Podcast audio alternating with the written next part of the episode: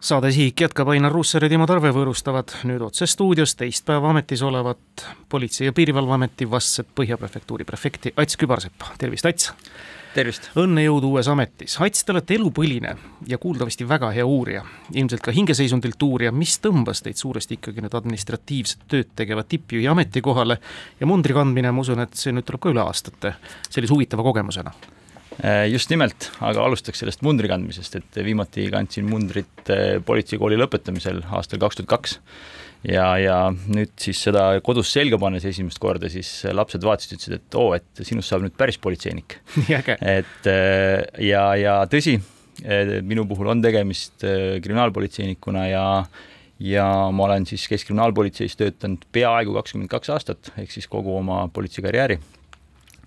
ja seal tegelikult on ka üks põhjus, eh, miks ma tundsin, et võib-olla on aeg edasi liikuda, et kui mingi asi sinu elus muutub selliseks võib-olla liiga tähtsaks ja selliseks liiga kirglikuks, siis on võib-olla aeg seda muuta.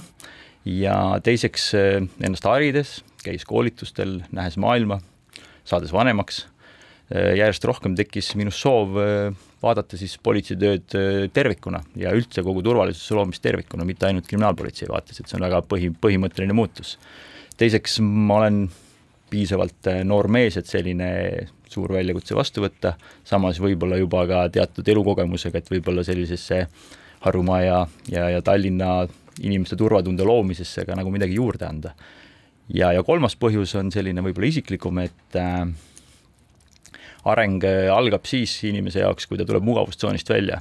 ja noh, täna ma siin olen ilmselgelt mugavustsoonis väljas ja arenen ja see motiveerib mind Põhja prefektuuri tööpiirkond on Politsei- ja Piirivalveameti suurim piirkond, siin elab pool Eesti elanikkonnast, üle kuuesaja tuhande inimese. kas see tähendab, et ka pooled probleemid on siit pärit?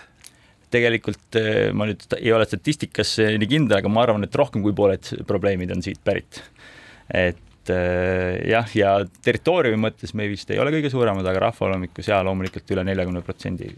no pealinna probleemid on alati suuremad kui väikeste kohtade probleemid. just nimelt sest et suurlinnatuled tõmbavad ka väljaspoolt, see on selge.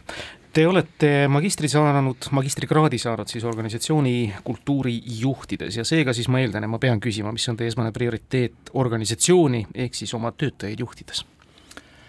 see on hea küsimus, organisatsiooni puhul on tegelikult äh, minu esimene prioriteet äh, säilitada tasakaal ja, ja kuna varasematel aastatel on Põhja prefektuuris toimunud päris palju muudatusi on liidetud eh, jaoskondi ja, ja väga palju strukturaalseid muudatusi, struktuurseid muudatusi, siis eh, minu selline võib-olla esimene tööülesanne on selline täilit-, säilitada töörahu ja võib-olla need muudatused jõustada ja, ja ja siis anda inimestele aega nendega harjuda, mitte tulla kohe uute ideedega peale, mis ei tähenda, et selliseid pisemaid võib-olla kohendusi kuskil siin tuleb teha, kuid kõigepealt, eh, kõigepealt esimene eesmärk on ikkagi hoida seda. ja, ja teine selline kui nüüd juhtimisest rääkida, siis teine asi on võib-olla see, et minu kõige põhilisem töö on tagada see, et eh, kõigil Põhja prefektuuri politseinikedel oleks kõik võimalused, et teha igapäevast oma tööd ja tagada turvalisust muide, millised kuriteoliigid just Tallinnas, Harjumaal enam muret valmistavad, kas me võime mingisugused eh, kuriteoliigid esile tuua ja kas kuritegevus nende kobarkriiside aastate jooksul on kuidagi muutunud? Eh, ma nüüd olen eh, teist päeva tööl, et kui ma nüüd peast ütlen statistikat. no te teate ju enam-vähem eh, enam-vähem tean on... kuritegevus loomulikult aastate lõikes on muutunud. aastate lõikes vägivallakuritegevus on vähenenud. näiteks samamoodi teatud varavastaste kuritegevuse liigid on vähenenud, autovargusi me tegelikult enam ei mäletagi, et oleks olnud, on ju, välja arvatud siis külalised võib-olla Leedust ja et eraldi siin midagi nagu Harjus teistmoodi tuua, aga mitte, loomulikult on meil täna probleem kelmustega, telefonikelmustega ja siis nende niinimetatud investeerimisskeemidega, mis vaatamata meie suurtele pingutustele ikkagi kogu aeg, kogu aeg on pildis ja, ja järjest rohkem meil kannatanud kogu aeg on ametisse sisse elades, kas näete ette ka võimalust, et äkki teete mõne patrullpäeva kaasa, võib-olla veedate päevakese aristimajas, no ühesõnaga kõik struktuurid käite nii-öelda ilusti läbi ja olete põllul? just nimelt, ma loodan, et ma veedan päevakese aristimajas seal õigel pool neid trelle. E, ja kindlasti, kindlasti just need e, valdkonnad, e, millega ma tegelikult ei ole varasemalt väga palju kokku puutunud, saavad olema minu nagu enda esimeseks prioriteediks, et endast nendest kurssi viia ja ega muud paremat võimalust pole, kui ise need läbi teha, jah otsapidi viitasite, aga ma tulen selle juurde tagasi, teie viimased aastad enne prefektiks saamist möödusid valgekraelise kuriteguga võideldes. värsked lahendid kohtust ja uudised erinevate uurimiste algatamiste kohta annavad justkui aimu, et meil on sellega ikkagi probleem, noh te viitasite sellele erinevatele petuskeemidele, aga kuidas meil on pistise ja rahapesuga lood? no viimased aastad ma töötasin siis majanduskuritegevuse talituses ja korruptsioonikuritegude büroo juhina ja korruptsiooniga tegelikult äh, meil Eestis on asjad äh, hästi, kui me vaatame kõiki indekseid, äh, korruptsiooni tajumise indekseid, siis võrreldes meie võib-olla naaberriikidega, peale Soome muidugi, oleme me väga heas kirjas, peale Nõukogude Liidust siis vabanemist ja, ja kõikide kellega me koos vennasrahvastega seal liidus olime, nendes oleme me kõikidest eh, kõige ees ja selline edulugu, mis on, läheb aastatest tagasi, kus siis tehti sellised väga radikaalsed otsused, mille vilju me siis täna maitseme. ja, ja noh, majanduskuritegevus äh, ilmselgelt tõuseb, eriti kui meil on majanduses nagu rasked ajad Te olite aastaid ja pikalt juhtisite organiseeritud kuritegevuse vastast võitlust, kas me täna saame öelda, mida tavaliselt on ikka väidetud, et suures jaos on need lülid lõhutud, need, kes peavad kinni istuma, istuvadki kinni ja põhimõtteliselt Eesti allilm oleks justkui nagu ilma peata ja no toimetabki niimoodi ja põhimõtteliselt on see struktuur praegu edukaks ära lammutatud? jaa, ma arvan, et see on äh, vähemalt kümne aasta töö tulemus ja, ja need faktid täna on õiged mis küll nüüd ei tähenda seda, et töö oleks tehtud ja kuritegevus oleks likvideeritud, tegelikult riburada pidi otsast juba inimesed vabanevad, samamoodi kasvab peale uut kuritegijate põlvkond kindlasti, kui ja et mida ma tahan öelda, et sellele valdkonnale peab pöörama endiselt tähelepanu, kuid tõesti, täna ma arvan, on selles osas kõige turvalisem üldse. kas keegi ihub hammast juba ka nii-öelda ühiskassa liidri koha peale või? mina olen vale inimene, kelle käest seda küsida, aga ma olen enam kui kindel, et, et hetkel ei ihu, sest et tegelikult on ju teada, et ka kriminaalpolitsei tegeleb nagu mõjupõhiselt ja, ja kui keegi hakkab sellele hammast ihuma, siis ta paratamatult tajub, et ta võib olla selline järgmine sihtmärk politsei jaoks moel või teisel paratamatult nõnda suurte organisatsiooni juhtides te peate ju üsna palju alluvatel, teil on ka ju regulaarselt, eks ole, kohtumised oma töötajatega ette nähtud, silma vaatama, rääkima neile kõikvõimalikest palgatõusu lootustest, asjadest, kas jagub vot sellele, teisele ja kolmandale tegelikult on ka üsna palju täitmata ressurssi, ma eeldan, teil majas sees olemas. olete te selleks valmis, et te peate nii-öelda ka vaata et poolpoliitilisi otsuseid vastu võtma?